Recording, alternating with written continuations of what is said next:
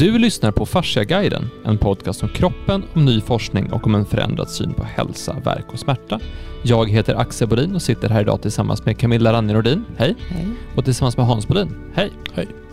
Vi har ju pratat om fascia i rätt många år. Mm. Eh, vi, har prat, vi har hållit på med fascia sedan 2012, vi har pratat om det på det här sättet sedan 2015 och vi har hållit kurser, workshops och så vidare sedan 17-18 någonstans och verkligen och vi har haft den här podden sedan 2020 och vi liksom så här, pratat mycket om fascia. Och någonstans har vi tänkt att alltså, någon gång kommer ju det här slå igenom. Alltså att fascia, det som Vibeke Ehrbrund säger i en film som vi har, att fascia är anatomi. Det är inte något hokus pokus, utan det, är liksom, det finns för mycket forskning om det här för att det här inte ska kunna slå igenom. Och sen så får jag ett filmklipp skickat till mig. Då sitter Fredrik Ljungberg, gamla fotbollsspelaren, i Premier League-studion på bästa sändningstid och pratar om att det är inte säkert är muskeln. Det, kan vara, det finns något som heter fascia också. Det kan vara där skadan sitter. Samma vecka så blir jag stoppad på stan och så säger de, är det du som är Axel Bodin från Fasciaguiden? Så tänker jag så här, det är nu det händer. Nu, nu kommer det här slå igenom. Eh, så jag tänkte titta lite grann på, för den här podcasten, det kanske inte du som lyssnar vet om, men, men den har vuxit med, vi har dubblat antal lyssnare de senaste två månaderna. Så vi har haft ganska, ganska jämn lyssnarström i ungefär ett år, det har ökat lite grann, men sen nu har det verkligen, det har verkligen exploderat. Eh, och fascia finns numera på Wikipedia, bara en sån sak.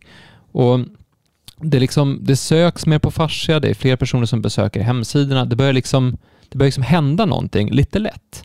Samtidigt tror jag att det kanske är, det är väl någon, någon procent av befolkningen som vet vad det är kanske. Det är inte som i Tyskland där de sa att det var 10, 20, 30 procent av befolkningen som vet vad fascia är. Så ser det absolut inte ut här. Men då tänkte vi prata lite grann om vad händer vad händer när fascia slår igenom? Jag tror som han, som han säger, Gimberto, att det är ett helt annat perspektiv. Ett annat sätt att se på saker och ting. Och när du pratar om perspektiv, då blir det ju, då är det ju, då, då är det ju om det är ett helt annat perspektiv, då är det ju ganska revolutionerande. Eh, och jag tror att man kan tänka sig mer på det som jag gick ut och när man tittar på innan internet kom när man hade, när man hade bara printreklam, tv-reklam och du hade inte någon, någon, någon utbyte mellan sändare och mottagare som du egentligen får i en tidning och en tv-sändning så finns det ingen sån utbyte. Det man sa egentligen som internet skulle slå igenom det är interaktionens, alltså kopplingen mellan den som sänder och den som tar emot. Och att det ska revolutionera relationsmarknadsföring och hur man bygger communities och hur man gör saker och ting. Och jag tror att det som nu de, några som lyssnar kanske minns när internet slog igenom så, så var det ju något helt annorlunda. Vi trodde ju inte att Alltså I Sverige slog internet igenom att vi hade något som hette hem-PC-reformen. Att de flesta fick köpa med sig PC hem. Och därför så stod till exempel det här med att man gjorde den här båten Anna till exempel. Alltså det var folk som hade datorer, som skaffade modem, som började göra musik på nätet och gjorde saker och ting. Så att vi, är en, vi var det internettätaste landet i hela världen. Därför att vi hade de här hem, hem-PCarna som kom. Och det på samma sätt som internet har förändrat världen. Det är svårt att tänka sig det. Men så kommer fascia att förändra hela sättet att se på kroppen och på perspektiv. Och vad det kommer innebära egentligen det är nog, det är nog svårt att förstå. Men, men jag tror att det kommer innebära ett annat sätt att se på smärta till exempel. Alltså vad är smärta för någonting? Vad kan det bero på? Det kommer hitta ett annat sätt att se på, eh, som vi tog upp i någon, jag tog, jag tog upp det på eh, mikroorganismer som finns och borrelia till exempel. Vad är borrelia? Vad beror det på? Eh, vad beror, alltså, en massa olika saker man ser om man tittar på flöde, brist på flöde. Eh, hur fungerar immunförsvaret? Eh, eh hur fungerar kroppen egentligen? Och därför att många kanske vet vad fascia är för någonting men vad, vad kroppens flöde och kroppens system egentligen tror innebär. Sig veta. Tror, tror sig veta precis. Ungefär som vi gör, för vi vet ju inte heller riktigt. Men, mm, men när man ser på vad det skulle kunna innebära. Alltså vilket perspektiv det är. Som, som jag sa, Neil T sa att, att kanske vi ska se mer på interaktionen mellan celler. Det är då det händer när de stöter, precis som myr, myrorna stöter ihop en myrstack. Att det händer någonting när de träffas. Alltså vi har ett system som interagerar. Eh, eh som du tar upp med, med, med mekanotransfusioner. Vi rör oss så händer det saker i kroppen. När vi inte rör oss så händer det inte saker i kroppen. Eh, sen hur, hur, hur, allt det där fungerar. Det är ju det som är det är det, som hon, det är det som är skillnad i perspektiv. Vad händer när vi kan tänka på ett annat sätt? Det, det, det är faktiskt lite kul det där för att, att vi, vi hade workshop i häromdagen på kvällen och då brukar vi egentligen ha, i vanliga fall har vi en fascia workshop som är på en dag. Och då har vi ungefär tre, tre och en halv timmar teoretisk genomgång och sen har vi ungefär tre timmar praktik som, där man landar i det teoretiska man har gått igenom. Eh, men den här, den föreläsningen som jag brukar hålla då på, med, med, jag och Hans brukar hålla på tre, tre och en halv timme, den skulle jag hålla på en timme. Mm. Mm. Och på fascia-workshopen, så de som kommer dit, de har antingen lyssnat på podden, eller så har de jobbat med behandling, eller så är de intresserade av hälsa, eller så har de liksom oftast någon form av det här, det här sättet att se på kroppen eller tänka kring hälsa. Den, den biten finns liksom med på något sätt. Så kanske någon enstaka som inte har så, men, men i en grupp, så om det är en grupp på 20 personer, så i alla fall 18-19 personer, lite redan det tänkandet inne.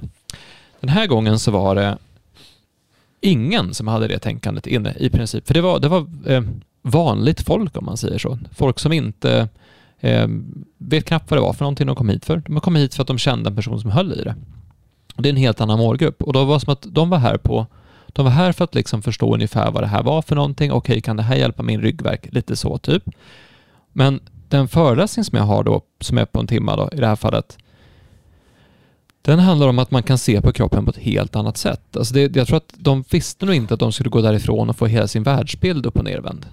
För egentligen blir det det som, det som vi har pratat om i den här podden är att det blir lite världsbilds upp och nervändande att börja titta på fascia just eftersom att rent konkret så har man ju istället för att skära ut bitar så har man tittat på vad det är man skar bort och så sett att oj, det här sitter ihop. Så det sitter ihop över hela kroppen. Det är liksom där någonstans det började. Men sen har man börjat titta på, framförallt mer på Gimbertos eh, Strolling under skin och teknik, man börjar titta på att det ser helt annorlunda ut när det lever än när det är dött. Mm. Och det brukar vi lite raljant säga, liksom så här, ja men eh, vi tror att kroppen är död, vi har en bild av en död kropp när vi studerar anatomi. Men det är ju så att man, man har byggt hela anatomin idag, hela kroppsförståelsen på död och på att saker står stilla. Och det där får spår i att man pratar om kroniskt, inte som långvarigt utan kroniskt som permanent. Man pratar om diagnoser som att det är liksom hugget i sten. Man pratar om, om eh, funktioner som att de är samma hela tiden. Man pratar alltså, väldigt, allting är ganska stilla, alltså ganska statiskt i hur man ser på kroppen. Men när man börjar titta på fascia så upptäcker man att grundprincipen är inte död, utan grundprincipen är liv. Och det finns ingenting i kroppen som är statiskt, utan allting är i konstant rörelse. Och det där fick de då höra på en timme och så sen så var det som att de bara, oj, vad var det här för någonting?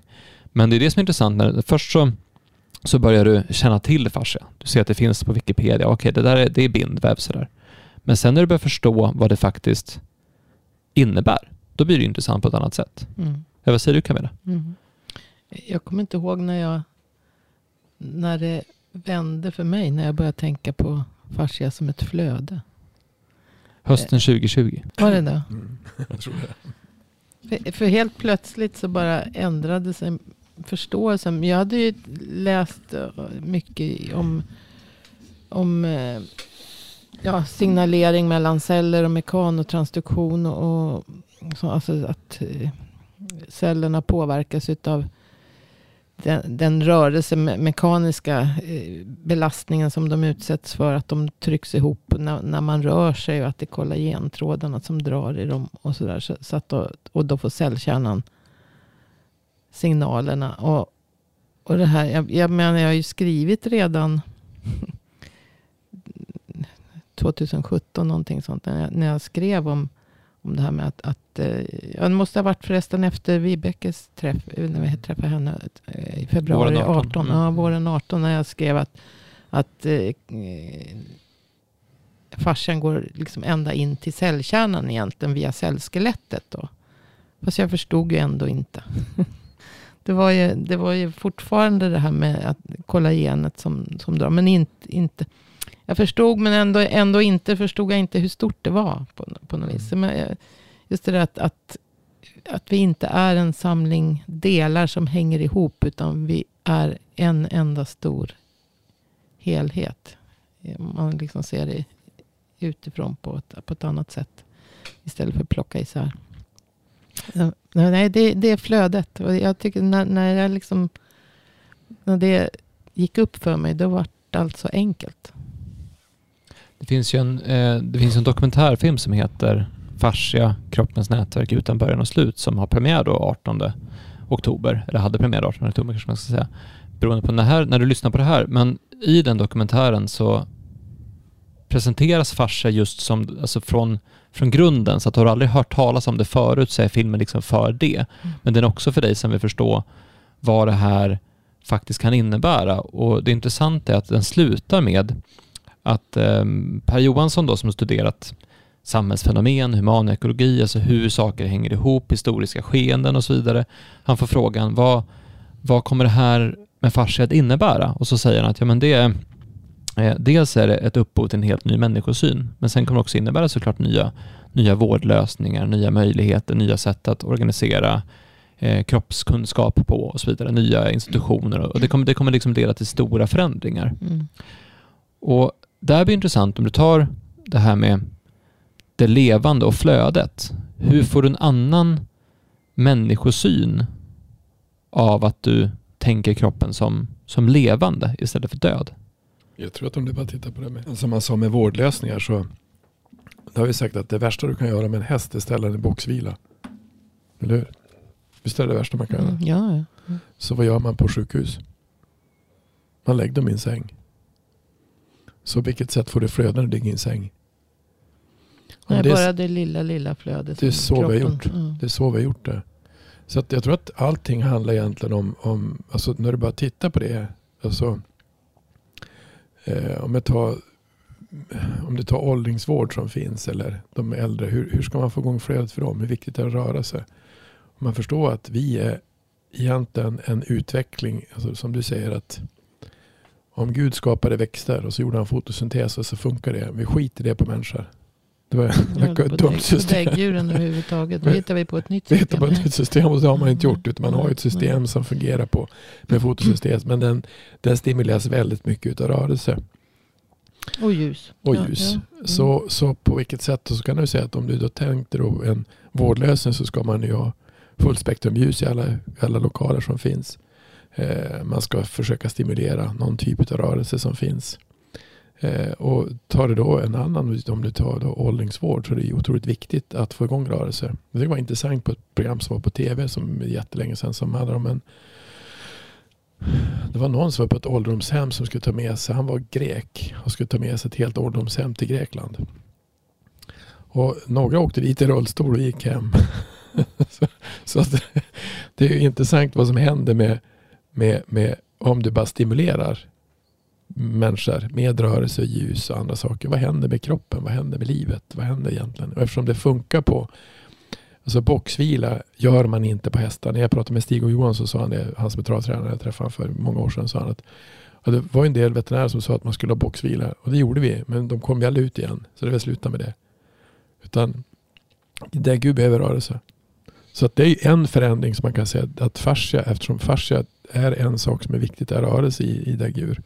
Så i vård då, ja, hur, hur ser den ut? Alltså bara hur, hur, hur, vi, hur vi ritat upp hur vård egentligen ser ut.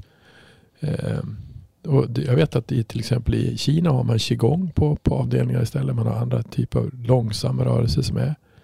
Eh, så att you, you, never know. Men det, alltså, att, att rörelse är viktigt och att, rörelse, att det behövs. Att man måste röra sig dagligen. Det, det, jag menar, det, det, vet, det har man ju vetat och länge. sagt länge. Ja. Men det är fortfarande så, känner jag, att, att man rör sig för att sträcka ut. Man, man har inte för, förstått det här sambandet. Vad händer när jag rör mig? Jo, att hela flödet sätts fart på. Så att säga. Det, flöde är det aldrig någon som pratat om. Mer än blodcirkulationen sätter man igång. Men det, och det är ju en del av flödet. Så att säga. Utan blodcirkulation kunde vi inte heller ha något flöde. Men, men, och, och likadant med att man, man separerar blodsystemet. Man separerar lymfan. Det fick jag ju höra bara för några veckor sedan. Att lymfan var ett helt annat. Det är inte samma som, som eh, flödet mellan cellerna. Alltså vävnadsvätska. Lymfa är lymfa. Och Men så är det ju inte. nej, så är det inte. Då får du inte säga att det är så. Nej, jag säger att det fick jag höra. Jag fick höra det utav, utav någon som hade fått höra det på en, på en utbildning. utbildning. I, I lymfmassage dessutom. Mm. Det är tråkigt.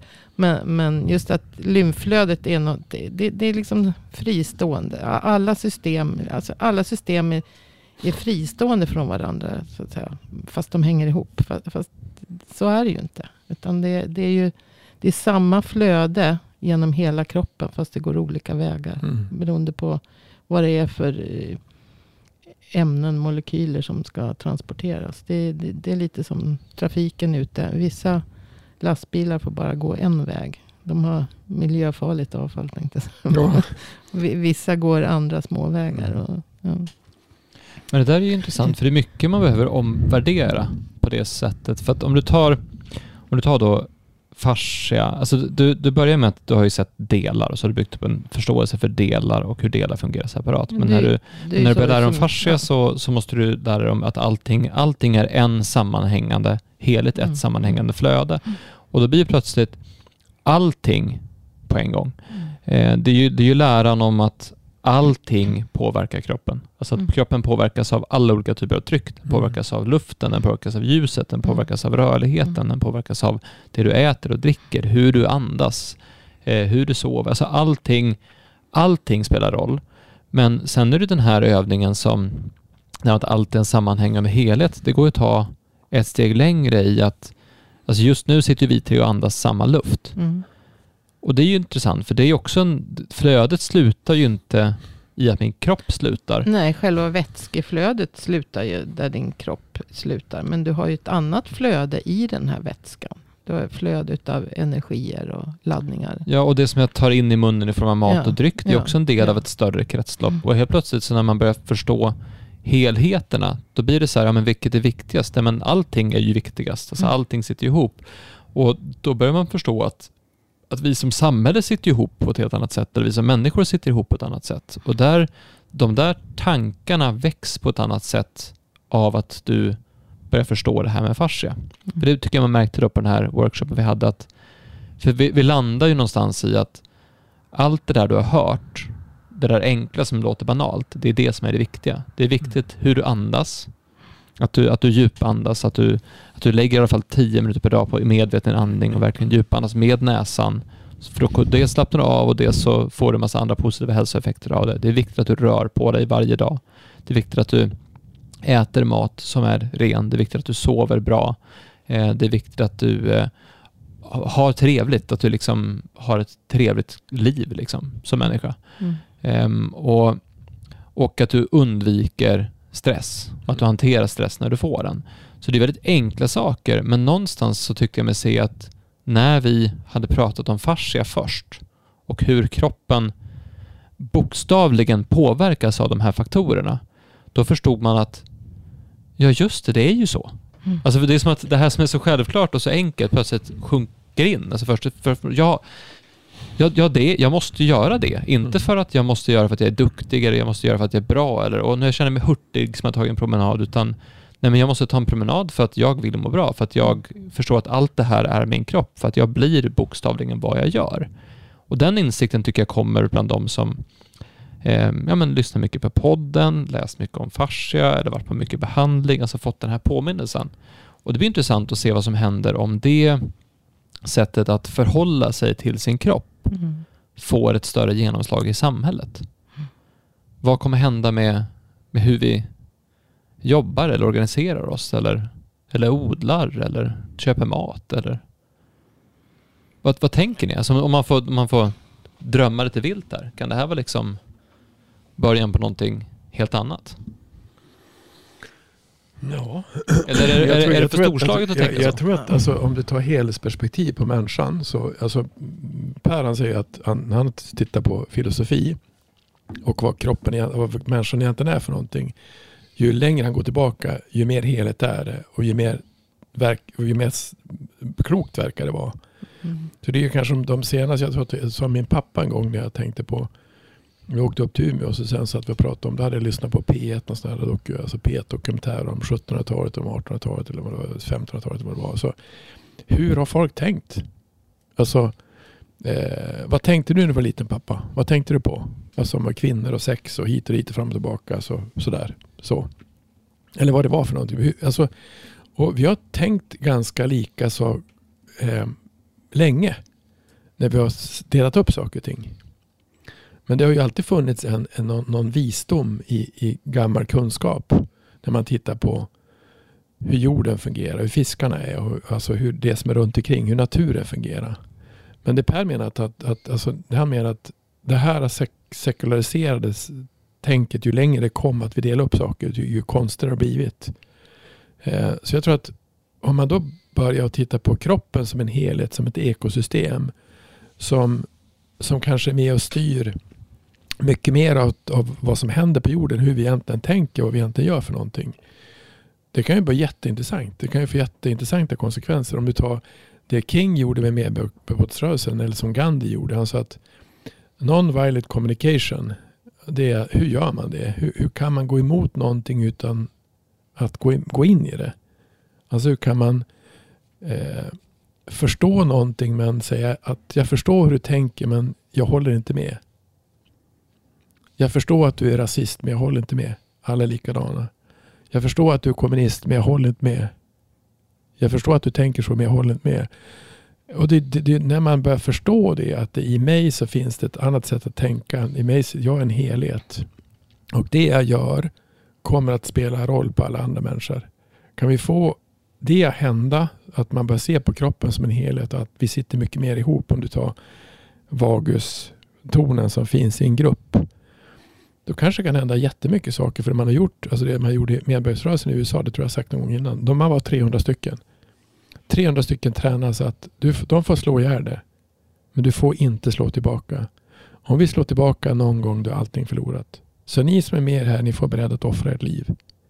Och det gjorde de. De, satt in, de gick in på, på eh, kaféer där man inte fick sitta och de gjorde en massa saker. Och den protesten, som, den tysta protesten som du gjorde, det fick ju att alla vaknade. Vänta, är det rätt där? Ska inte svarta vara likadana som alla? Så finns det något som är svart och vitt? Och det finns det, men inte med människor. Vi är människor allihopa. Eh, och den, den, det helhetsperspektivet på människan kan förändra mycket andra saker på hur vi ser på allt möjligt. Eh, och då, då kan det ju bli en jätteintressant rörelse. Det var apropå det här med att gå tillbaka i tiden, vilket jag tycker är intressant med fascia också, för då eh, jag hörde eh, Per och Erik släppte ett nytt avsnitt av sin podcast nyligen som handlar om, de ska gå tillbaka till antiken och börja gräva i Mm. antik eh, filosofi, alltså hur såg man på världen under antiken? Varför de började i antiken är för att det är ganska mycket som liknar vår tid nu är ganska lik hur det var under antiken. För det är mycket olika saker som får runt. Det är mycket det är mycket, mm, vad ska man säga, det är inte, men det är ganska, det är ganska lite, lite singelspårighet. Det är ganska många olika fält som far runt samtidigt. Men det de pratade om som var intressant det var att typ upp en romersk filosof som pratar om hur filosofi är väldigt praktiskt. Alltså hur det, det är inte bara en teoretisk kunskap, det är också en praktisk kunskap. Det är inte bara en intellektuell sak, utan det händer någonting praktiskt just nu också. Lite så är det med fascia också, att man, man lär sig förstå, man kan lära sig förstå hälsa och förstå det som koncept och så kan man som prata om hälsa eller prata om kost eller prata om näring och så sen så är det fortfarande en, en idé eller en, te, en teori som går runt. Alltså där vi pratar mycket att man, man kan gräva sig djupare och förstå nervsystemet och man kan förstå lymfan och man kan förstå de här systemen och man kan, man kan förstå fascia också för den delen som, som ett, ett teoretiskt koncept. Alltså anatomin, fysiologin, det man läser på. Det intellektuella i det. Men det är ju en, en oundviklig praktisk tillämpning. Att jag kan inte förstå fascia om jag inte praktiskt tillämpar den här kunskapen varje dag. Alltså om jag, jag måste röra på mig, jag måste andas, jag måste känna efter, jag måste, som vi pratade om något avsnitt, lyssna på kroppen. Jag måste, för att verkligen förstå det här så måste det sjunka ner i min kropp. Och det är ju intressant, för det är då det blir det är då det blir både svårt, det enkla blir svårt, men också spännande. Om jag till exempel tar då konceptet att allting är en enda sammanhängande idé. Och alltså allting är en enda sammanhängande flöde eller ett, enda sammanhängande helhet. Ja, men då sitter vi ju ihop, vi som sitter här inne. Och gör jag då dig illa, då gör jag mig illa, för vi sitter ju ihop. Mm. Eh, eller om jag tar den här andra principen som vi pratade om, att det, det handlar om liv och det handlar om flöde och det handlar om att stimulera liv och flöde. Då bör, bör man tänka så här, jaha men vad av det jag gör stimulerar liv? Och vad av det jag gör gör att jag känner mig mindre levande? Om nu livet är det som är i kroppen, för vi kommer fram till att nästan all sjukdom, nästan all dysfunktion är stopp i flödet. Alltså stopp i livet. Mm. Vad gör jag då som gör att jag slutar leva och vad gör mig mer levande? Mm. Jag tror Jag ska Ja, dra, jag lämnar ut till dig Camilla. dra olika praktiska tillämpningar på det. Ja, om du vill. Ja, alltså du, du äter förmodligen fel. Du får inte i dig tillräckligt med näring så att eh, kroppen kan bygga de rätta byggstenarna.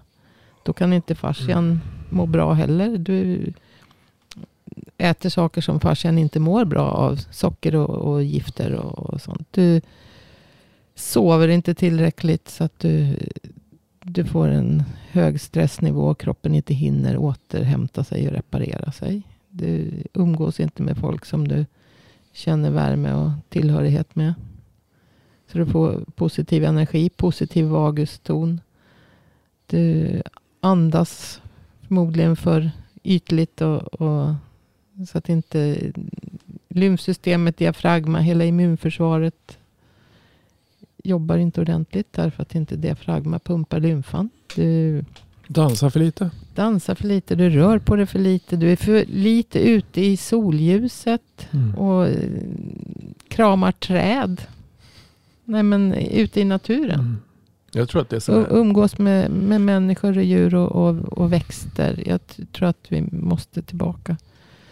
Jag tror att man tittar Alla, på... alla som bor i stan måste ut på landet ibland. Eller ut Ja. i skogen. Nej, men jag tror att också det, det som är eh, yttre och inre. Att vi, om du tar yttre saker som påverkar oss. Eller yttre som blir inre. Mat. Det är klart att jag ska inte äta mat som jag inte mår bra utav.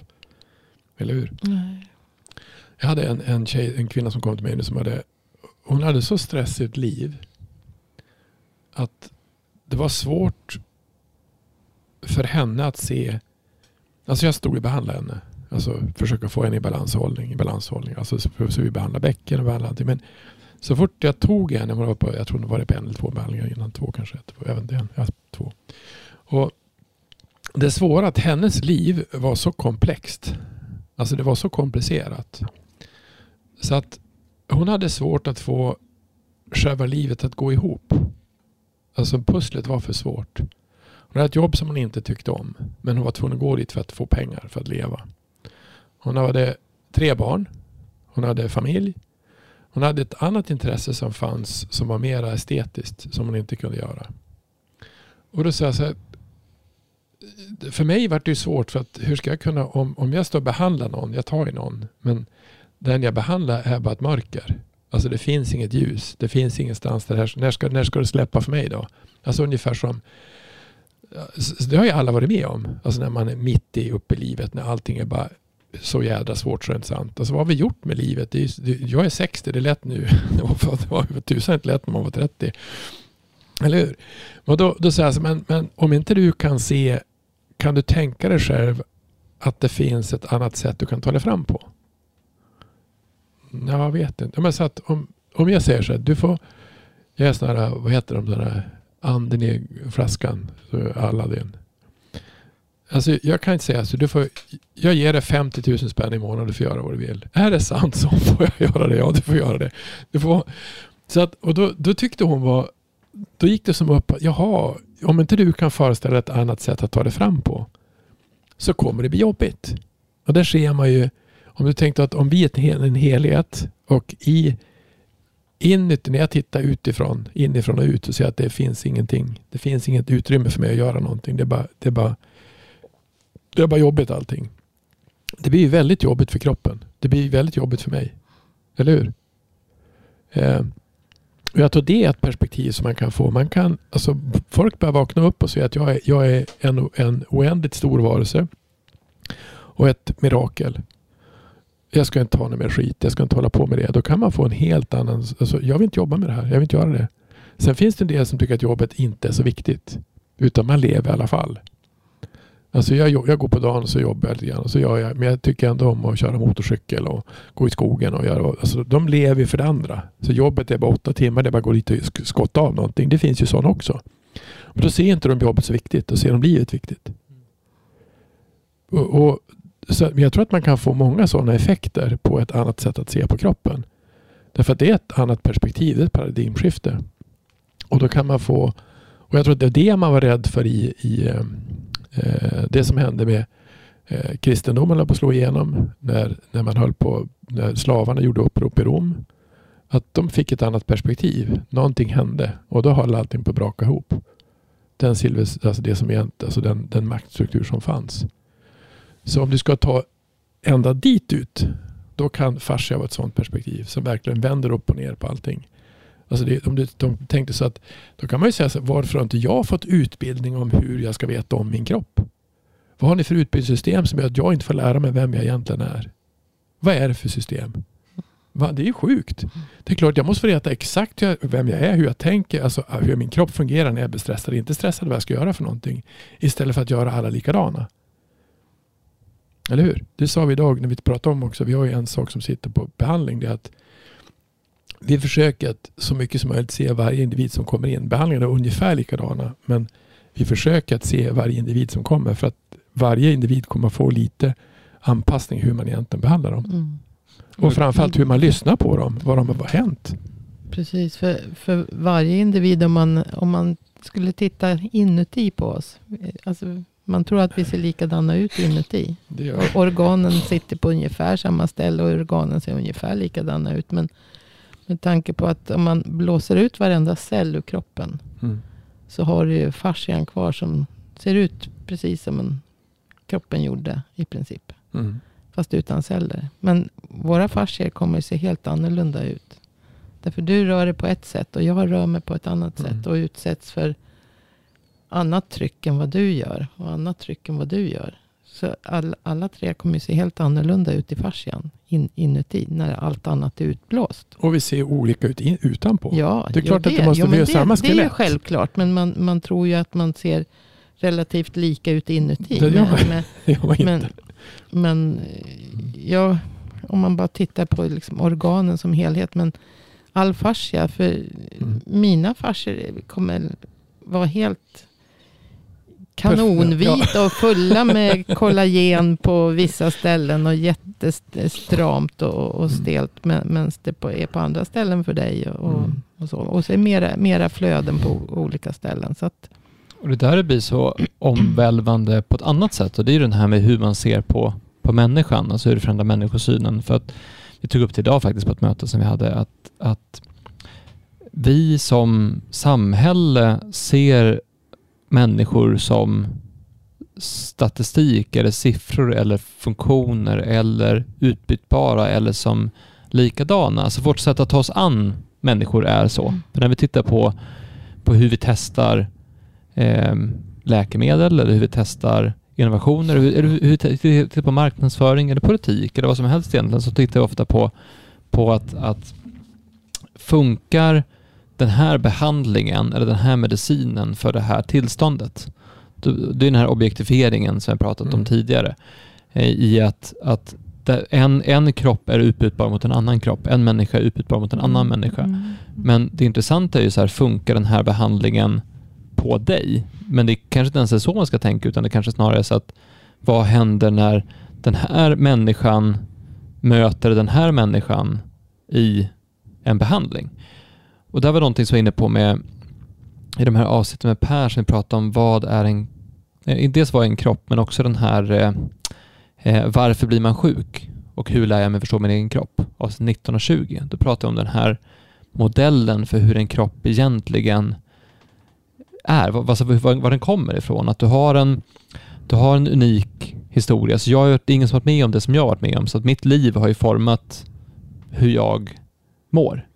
Och sen och hur jag ser ut. Och även hur, hur jag tar emot olika typer av stötar och störningar jämfört med hur du gör det. Som vi pratade om att jag kanske, Mm, jag kanske är känslig för eh, eh, dålig luft. Medan du är jättekänslig för eh, att sitta på en scen framför 350 personer.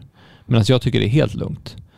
Och så då, det kanske skapar en stress i din kropp, men i min kropp så ska- skapar en, en exaltering, att jag blir väldigt Mm. taggad av det. Och där är väldigt olika. Så då kommer den miljön påverka oss olika, på samtidigt som vissa tankar påverkar påverkar oss olika. Så att vi är väldigt individuella i vårt sätt att vara på.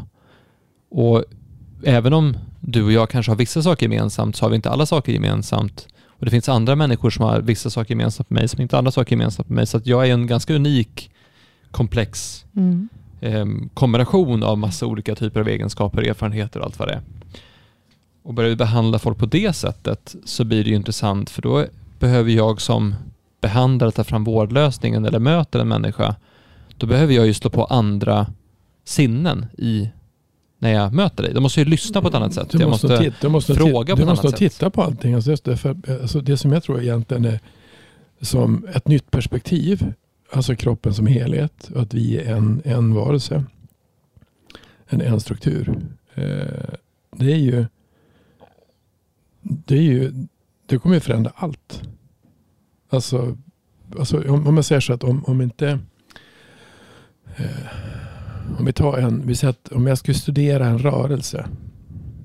Alltså någonting som händer. Ett, eh, ett pingislag. Eller en golfsving. Eller en tennisforehand. Eller någonting sådär. Så studerar du hur det ser ut i rörelsen. Så är inte det samma sak att se det som att göra det.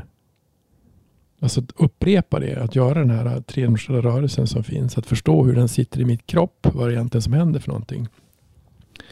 Det är ju först när jag förstår det. Alltså jaha. Det känns sådär. Eh, att göra en, alltså när man ska försöka härma sig att jag skulle göra någon handstående eh, eller handstående rörelse, stå på huvudet i yoga eller sådär. Det, det ser enkelt ut men sen ska man göra det, det är så inte fördärvat enkelt. Och det är först när vi när man förstår att det är annorlunda, att perspektivet är inte delar, perspektivet är helhet. Eh, det är ju jätteannorlunda. Alltså det är extremt annorlunda. Och då, då, då, då faller ju mycket, då faller mycket utav det som hon säger, Vibeke, att du måste, om du har alla delar som finns, alltså Vibeke Elben, jag tror att den, den filmen finns att se på någon sida som jag. Eh, Om du har alla delar som finns, All anatomi vi har byggt upp, alla olika system som finns, så det nya perspektivet är att ta lägga dem på sidan ett tag och titta, om vi tittar på helhet, vad innebär det för alltihop? Det som Jill Hedley som också är sån anatomist alltså som är på farsan. Säger att så fort du ska kolla på, börja titta på en kropp och göra saker och ting så är det en extrem förenkling. En extrem förenkling av saker och ting eftersom allting sitter ihop och allting berörs hela tiden. Och allting är levande så allting förändras ju som du brukar säga i någon föreläsning som är. Så att om du kollar på min här nu och så kollar på min här nu så är det olika härar. Inte riktigt samma men, men flödesmässigt kan det vara så. Så eh, det tror jag är det som är när det, ju, det är därför de som kommer nu, de, de, de forskare som kommer in nu ifrån olika håll. De säger att det kan, det kan vara ett sätt att slå ihop saker och ting. Men man, man kommer prata samma språk, samma kropp. Fast det kommer bli annorlunda. Man kommer förstå specialister på ett annat sätt. Och det är när de här specialisterna sätter sig ihop och pratar. Då kan det bli någonting. Precis på samma sätt som man gör ett projekt i ett företag. Då måste alla delar vara med. För att få det att funka. Det, det är lite samma som hon säger, Ann Gardner som skriver om mitokondriell dys- dysfunktion. Ja. Att, att alla, alltså, om mitokondrierna inte får den näring de behöver. Och inte, så att inte mitokondrierna fungerar. Mitokondrierna finns i Varenda cell. varenda cell utom röda blodkroppar i princip. Mm. Eh, och det är de som, som ger hela kroppen energi. Mm. Och alla cell- celler får energi i, via dem. Ehm, och då, ja, om inte mitokondrierna fungerar, det, det kan ju ge symptom från precis överallt. Alltså det, det, det är ju samma sak som fascian. Du vet inte, du kan inte säga, säga en, en, eh, hjärt-lungspecialist kan ju inte liksom sitta och, och är som- foku, fokusera på, på det. Om det an- man måste se till en större helhet. Så att Mm. Att, att det kan, problemen kan komma vad, ifrån... händer, vad händer med blodförgiftning? Ja, Det blir rörigt överallt. ja, ja men precis. Men vad, vad, vad det, säger men hon? det Vad, förstår man ju. vad säger att- hon att dysfunktion beror på mest då? Näringsbrist. Vad är, vilken näring då? Ja, massor med olika. Det är magnesium och B-vitaminer. I princip hela B-vitaminkomplexet medverkar ju vid energiomsättningen och proteinomsättningen. Men B1, B3 tror jag är väldigt... Så B-vitamin, tillskott och magnesium. Selen är jätteviktigt och, och Q10 är jätteviktigt. Och, ja, alltså det finns massor med Och hur många tror du har mitokondriell dysfunktion i Sverige? Ja, när man läser eh, det hon har skrivit och, och som sen då när jag, när jag läste det enkla som, så, först och sen så började jag liksom rota i, i eh, vad det stod om, fanns om det. Så att jag, jag har inte läst på långa vägar, men bara lite grann. Men det var ju jätteintressant. Alltså det, det, det påverkar ju precis hela kroppen. Mm. Du, och du kan inte, du måste ha en, en mycket öppnare syn för liksom var problemen kommer ifrån. Du kan få hjärtproblem, du kan få lungproblem, du kan få eh, problem, eh, psykiska problem. Men det kanske bara beror på näringsbrist. Näringsbrist. Ja. Så du, du kan inte säga att, att det Fick Mats mer tabletter efter det där eller? utfodra, utfodra man, mannen mer? Nej. ja, han äter samma som jag. Nej, men, men där blir det ju det blir samma sak igen. Att, att det som blir annorlunda med fascia eller det som kommer utav att man börjar studera fascia blir att man tittar på andra grundprinciper. Man tittar på liv till exempel istället för, för en död kropp. Och när man tittar på en levande kropp så måste man se vad, vad stimulerar liv. Ja, men det, vi sk- släppte det avsnittet om, om bäcken och om Mm. dålig hållning och, Mm. och folk bara Oj, alltså jag har aldrig fått så mycket mejl som efter de avsnitten. Mm. Fortfarande kommer det. Ehm, för det, det, det det handlar om där, ja men det, det är lättare att leva ifall kroppen är i balans, ifall du är rak, ifall du har en bra hållning, ifall alla flöden kan flöda fritt. Mm. Och det är klart att det är lättare att bygga upp en kropp som håller om du har rätt näring och rätt byggstenar när du gör det. Så dels Ja, är det är ju en förutsättning. Så att det, Ja, men så dels blir det principiellt annorlunda. Vi kommer börja titta på, på kroppen på ett annat sätt utifrån vilka principer. Som jag sa, vad, vad bygger upp, vad bryter ner, vad, vad det ger liv och vad är det som, som eh, dödar egentligen. Men sen blir det det här praktiska som jag pratat om, att det, det får en praktisk konsekvens både för hur jag lever mitt liv och hur jag rör mig, hur jag äter och så vidare, men även hur jag praktiskt tar mig an saker, hur jag möter andra människor. Och så Hans, du var inne på det här med att det är ett annat perspektiv.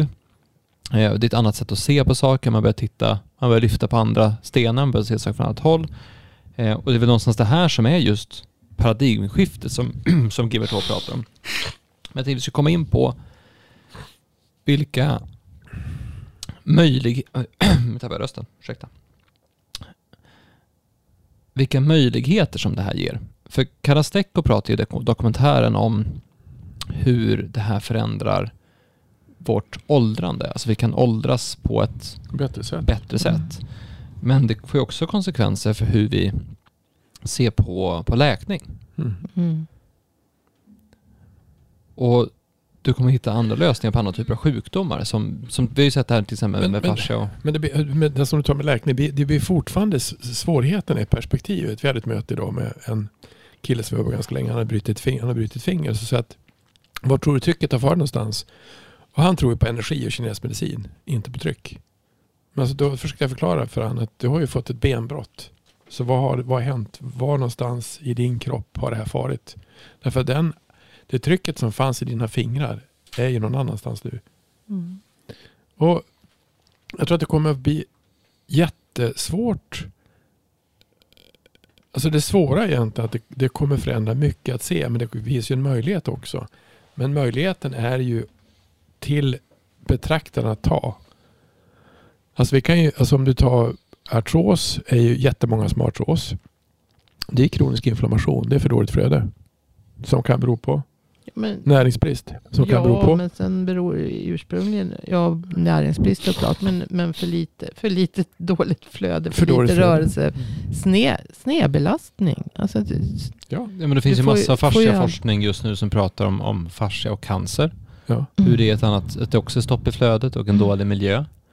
Och Jag menar då, för man har ju haft svårt att hitta, man har haft svårt att hitta knäcka nöten cancer, men jag tror också det har att göra med att man behandlar cancer som en sjukdom. Ja, som som det där- drabbar en ja. ty, alltså alla människor är likadana, därför är det, vi ska hitta lösningen på cancer. Men tänk om cancer är olika för alla personer. Ja, fast jag tror, att den, alltså jag tror mer att det är samma för alla, fast det, för man säger att det är olika. Men egentligen är det förmodligen mycket cancer som finns i dåligt flöde. Stopp i Ja, flödet stopp i flödet. Och- och- olika och- ställen. på Och olika så kallar ställen. man det... Sen blir det någonting. Men Mm. alltså, problemet är ju då att, att få in det perspektivet i den typen av specialister är ta mig sjutton omöjligt för de är inte skolade till det. Och det, det alltså, om vi tar, jag tror att det, det är lite grann samma sak som om du tar jag tror det är enklare att förstå hur komplicerat svårt det är när man har traditioner som finns. Men alla känner ju till backhoppning. Det hoppar man ju förut med att man, man stod och så får skidorna rakt ut så här. Och så kom Janne Boklöv och så sa man har särar på så flyger man längre. Han gjorde ju vingar av benen. Och alla sa att det var fult som fan. Han, han hoppade i tio meter längre än alla. Så att han, han fick ju, han, när han hade varit godkänd så vann ju, alla hade den stilen. Mm. Eller som Fosbury Flop gjorde att alla, alla hoppar, saxar ju, saxar ju över. Och sen landar de i en grus. Alltså, alltså, det kommer inte Mm. ihåg. Men man hade ju man hade ingen att landa på. Man hade Mm. höjdhopp, hade, men landade man i en sandgrop. Mm. Och det gör, ju, det gör ju ont. Och sen ska du göra Fosbury Flop, då ska du, ha, då ska du hoppa med bakifrån. Bryter ju nacken av det. Så det gjorde man ju gummimadrasser istället. Och det finns ju ingen som hoppar saxsteg idag. Utan det är bara att det är bara att när man ändrar perspektiv och ser vad går, vad går bättre och vad enklare så kommer det förändra sporten. Det kommer förändra hur vi ser på det. Det svåra är ju att hur mycket av de här sakerna finns det ett kemiskt biologiskt perspektiv som är det som är allenat saliggörande. Det är det som är det, är det som är det svåra. När man bara titta på det så blir det som jag sa till eh, han som har gjort forskningen på eh, eh Whiplash. Eh, I dokumentärfilmen berättar Karla Stecco att det finns i eh, Torsten Gård. Ja, Torsten Gård. Mm. Eh, det finns i, så jag ringde och pratade med honom och sa att vet du att Karla har hittat ett sätt att visa att det går att hitta finns i fascian. Är det sant? så, för att, och det är ju bara att det perspektivet, fasciaperspektivet, fanns inte med när han tittade på det. Men det är det som jag menar, att frågan i det här avsnittet är ju inte vad säger de som är emot den här förändringen, utan frågan är vad händer när det slår igenom? Och det som händer om det slår igenom, det kom, vi vi pratar om olika steg. Nu pratar vi så, okej, folk börjar känna till fascia. Fredrik Ljungberg nämnde det på, på tv, det Ja. finns på Wikipedia. Det är ju någonstans det känns till. Jaha, folk börjar förstå vad det här innebär och börjar uppleva i sina kroppar. Det är kanske är steg två. Men sen så kommer ett steg när, när det blir så, när det går från att vara det annorlunda synsättet till det dominerande Mm. synsättet. Och någonstans, för vi kan ju prata jättemycket om vilka som Alltså hur jobbigt det blir för vissa med det här. Det här med att du har läst någonting i sju år och så har jobbat med någonting i tio år och så speciali- specialiserat dig i ytterligare tio år och så kommer någon och säger det är tvärtom. Det är ju skitjobbigt. Och då kan man ju antingen säga nej eller så säger man gud vad spännande, låt oss se vad som händer. Mm. Det gör ju de som då forskar på fascia nu.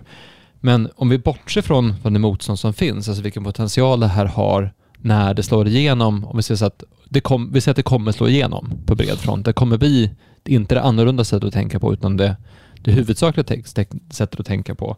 Då kommer ju fascia ge en annan förklaring på cancer, på hur du ska leva ditt liv, på sådana saker som psykisk ohälsa, Mm. på läkning, på näring, på om du tittar på näring, då blir ju konsekvensen automatiskt att du börjar titta på odling. Mm. Därför att om, du, om, om man börjar förstå hur viktigt näring är, Mm. Då kan vi inte odla mat som inte innehåller näring. Nej. Och om vi inser hur farligt det är med socker, då kan vi inte odla mat som inte innehåller näring utan bara innehåller massa socker. Mm.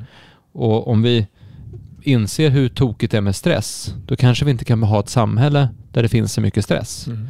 Om vi förstår att det är tokigt att, att vara så stillasittande, då kanske vi har en- ett samhälle där folk rör på sig. Så det kommer ju, det blir automatiskt så att allting omvärderas och förändras om det här slår igenom på bred front, vilket jag tror att det kommer göra. Frågan är om det tar, det vi pratar om nu, om det tar ett år, eller fem år, eller 20 år, eller, eller 50 år, eller om det hinner stoppas upp av något annat på vägen. Det vet vi ju inte.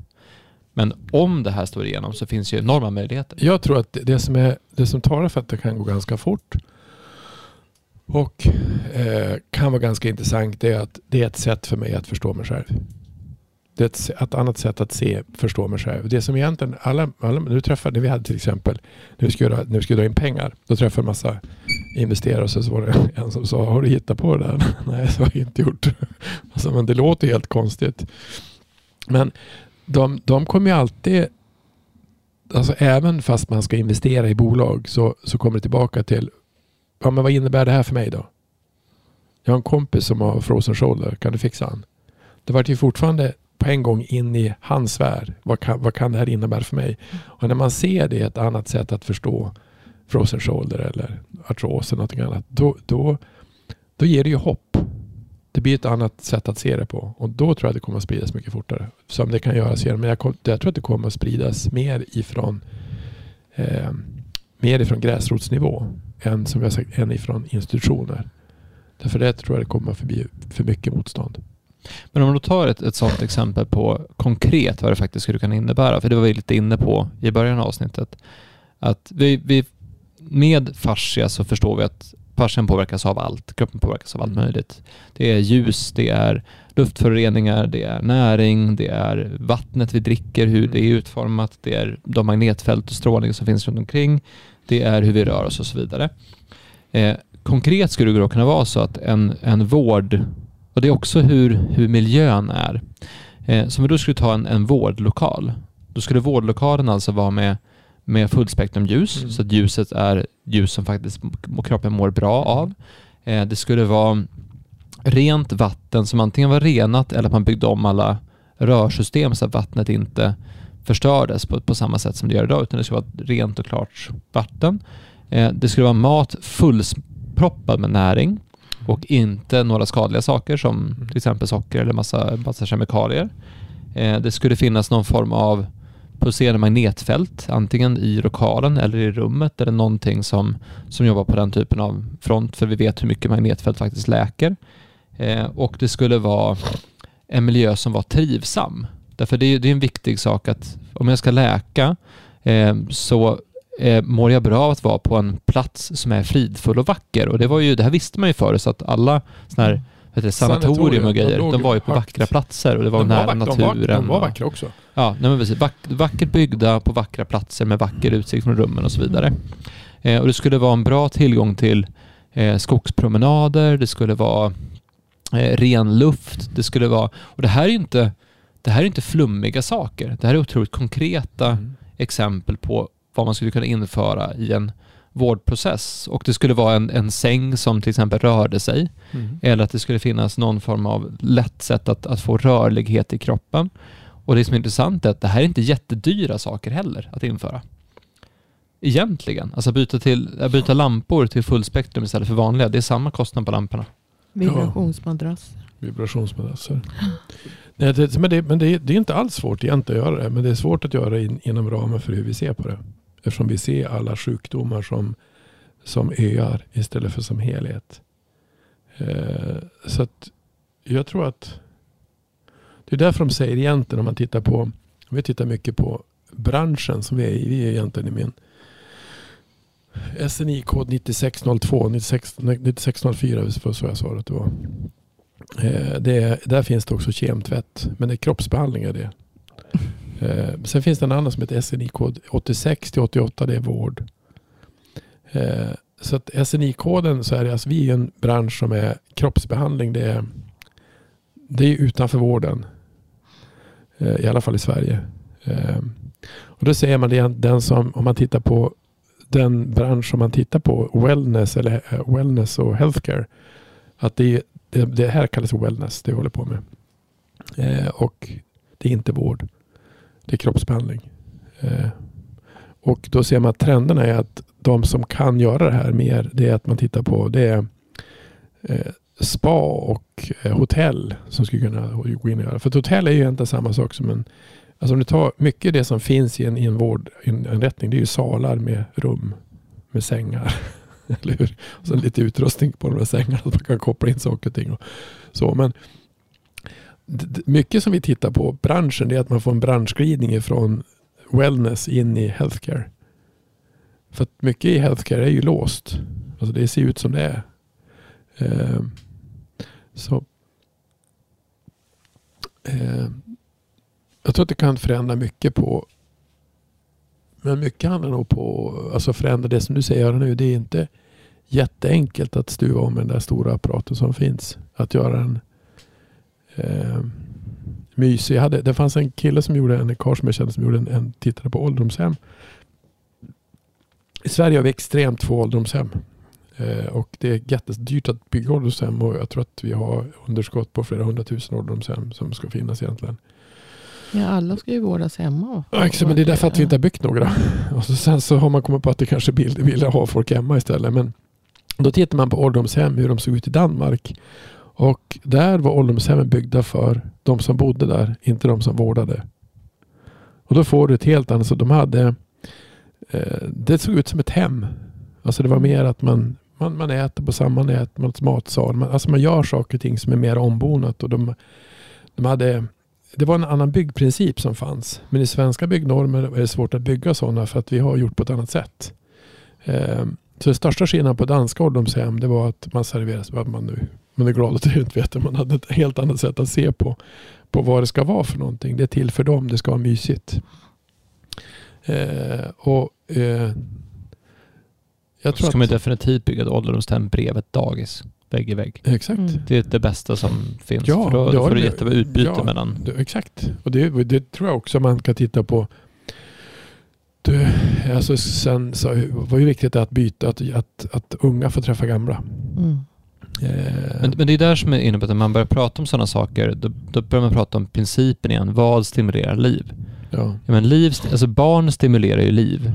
Så att om du vill få gamla människor mer levandes, då ska du ha dem med mycket barn. Ja. För det ser man ju också på, på äldre människor, alltså framförallt de som är du vet, äldre på, på ålderns höst sådär och verkligen är på väg neråt Eller jag alltså. så. Ja, äldre än du, precis. Men sådana som, ja, man kanske, man kanske är 80-90, där någonstans.